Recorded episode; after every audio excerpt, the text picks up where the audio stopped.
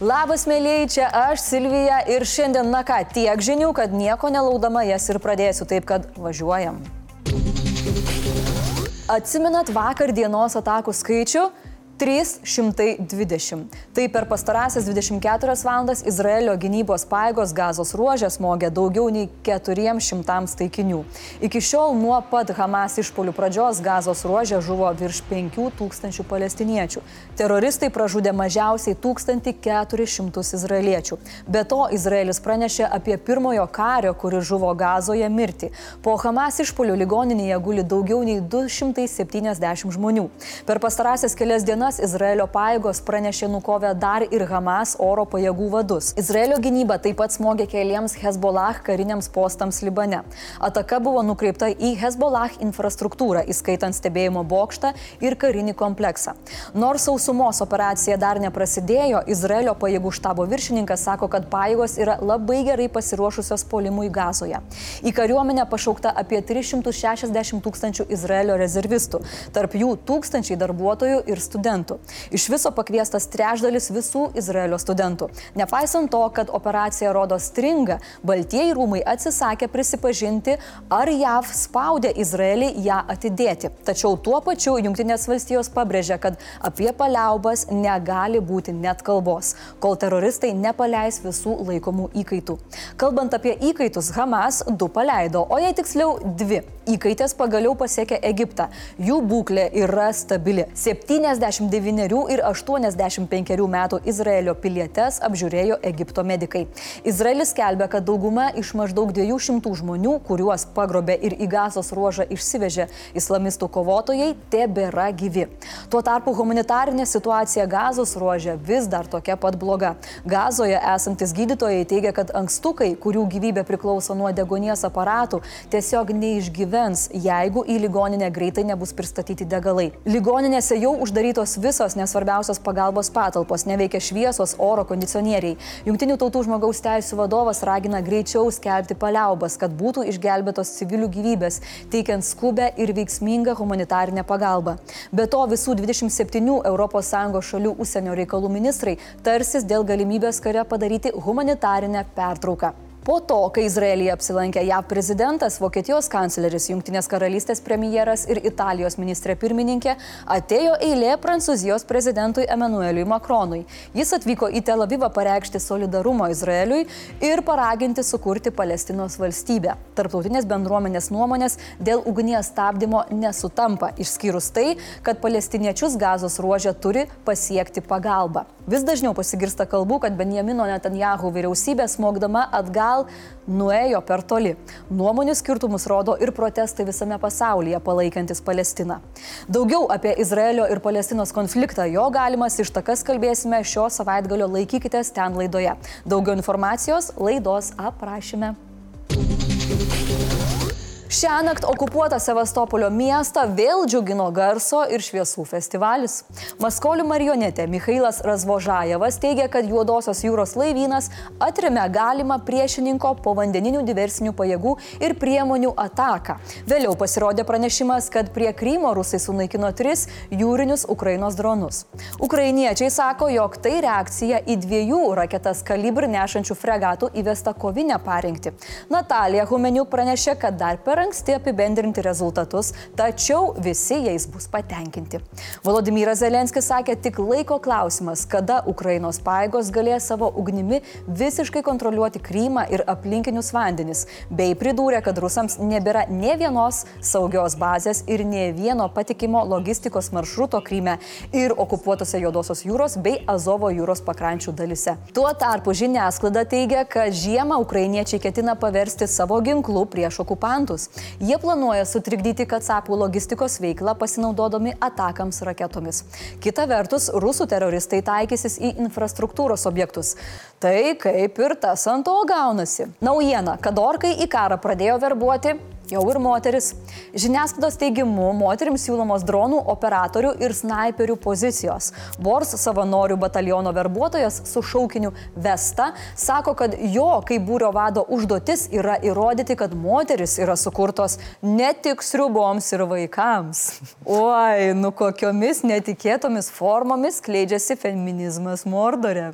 Vakar pasidžiaugiam, kad Putinas vos neužlenkė kojų ir sulaukėm kritikos, mat netyčiom buvo pasirimta neįtin patikimai šaltiniais. Į tokį informacinį karą įkliuvo ne viena žiniasklaidos priemonė. Vis dėlto dalis informacijos bet kokiu atveju yra tiesa. Diktatoriaus veikata tikrai ne pati geriausia.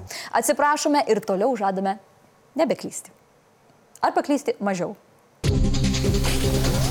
Meksikoje rimti neramumai. Trijų atskirų ginkluotų išpolių metu žuvo mažiausiai 24 žmonės, įskaitant 12 policijos pareigūnų. Per išpolį žuvo 11 žmonių. Vietos saugumo viršininkas Benitezas ir jį saugoja policininkai. Dėl konkuruojančių narkotikų prekeivių ir saugumo pajėgų konfrontacijos Garero ir Mičio Akano valstijos yra vienos labiausiai smurto apimtų vietų šalyje. Per kitą išpolį jau minėtoje Mičio Akano valstijoje žuvo 5 žmonės ir buvo sužeisti dar 2. Užpolį užpuolikų grupė taikėsi į Takambaro miesto mero brolį. Per krūviną incidentą žuvo restorano darbuotojas ir policininkas, o mero brolis buvo sužeistas. Šiame regione keli galingi narkotikų karteliai kaunasi dėl kontrolės, todėl pareigūnams kyla vis didesnis pavojus. Šiais metais Meksikoje jau žuvo 341 policijos pareigūnas, praėjusiais 403. Trečiojo išpolio metu įvyko įtariamų narkotikų prekeivių susišaudimas Pueblos valstijoje. Žuvo mažiausiai šeši žmonės, dar dar du buvo sužeisti. Incidentas įvyko kaimiškoje San Miguel Kanoje bendruomenėje maždaug 120 km nuo sostinės Meksiko. Lietuvoje vyksta dezinformacinė sukčių ataka. Pasinaudojant žinomų įmonių ir naujienų portalų vardais, bandoma apgauti žmonės. Pasak dezinformacijos analizės centro debunk.org vadovo Viktoro Daukšo, socialiniuose tinkluose jau ištransliuota daugiau nei 7,5 milijono melagingų žinių. Pasak tyrimo, Facebook'e rastos net 93 netikros paskiros. Jos buvo kūriamas norint skleisti dezinformaciją ir apgauti žmonės, kviečiant juos investuoti. Ekspertų teigimu, norint sudominti vartotoją, sukčiai remiasi rezonansiniais įvykiais arba žymių žmonių vardais. Nacionalinis krizių valdymo centras kompanijos Meta atstovams jau yra pateikęs tris pranešimus apie sukčius, tačiau jų paskiros yra blokuojamos retai. Ko Meta netingi blokuoti, tai tikrų vartotojų įrašų. Izraelio karo pradžioje paskelbtame visuomenininko Danielio Lupšico Facebook įraše jis dėkojo Avia Solutions Group, kad padėjo suorganizuoti skrydį iš Izraelio į Lietuvą. Jo metu buvo parskraidinti Danielio sūnus. Įrašas ilgai neužsiliko ir socialinis tinklas jį ištrynė.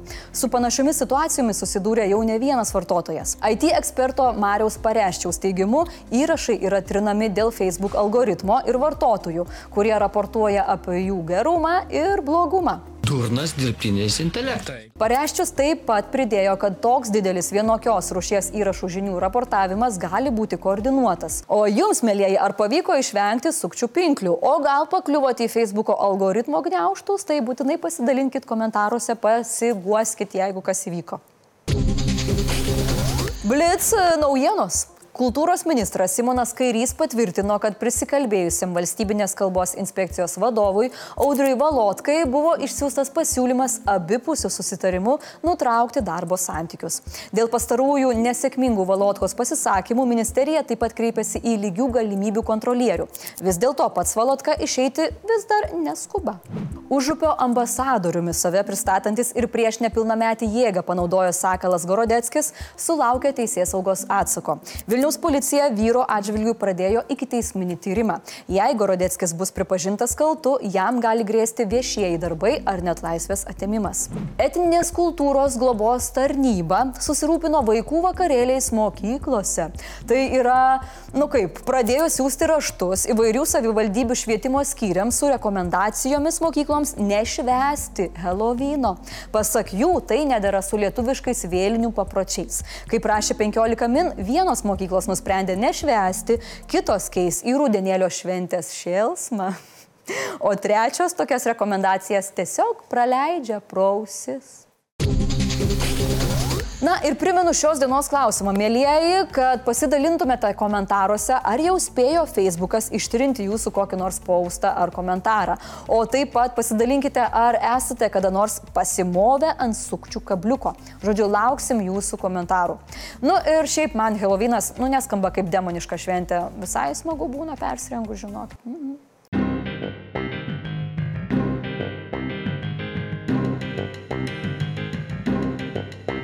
Komentarų metas. Putka put siūlo iš papiemašė pasigaminti didelę 3 metrų dydžio špygą ir pastatyti prieš Rusijos ambasados langus. Visai neblogai, man tai dar atrodytų gerai vidurinis pirštas, paskendęs laivas Maskva arba klozetą vagiantis kacapas. O kaip jums gali dar parašyti komentaruose prie visų kitų mano prašymų.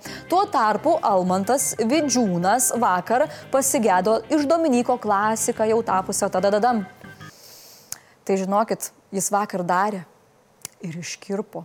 Tai visa redakcija labai labai atsiprašo. Taigi, girdėjote komentarų skaitimą, tada dadam ir iki pasimatymo jums, iki ate, tiek žinių. Gerai paskundžiau tave, ne? Gerai.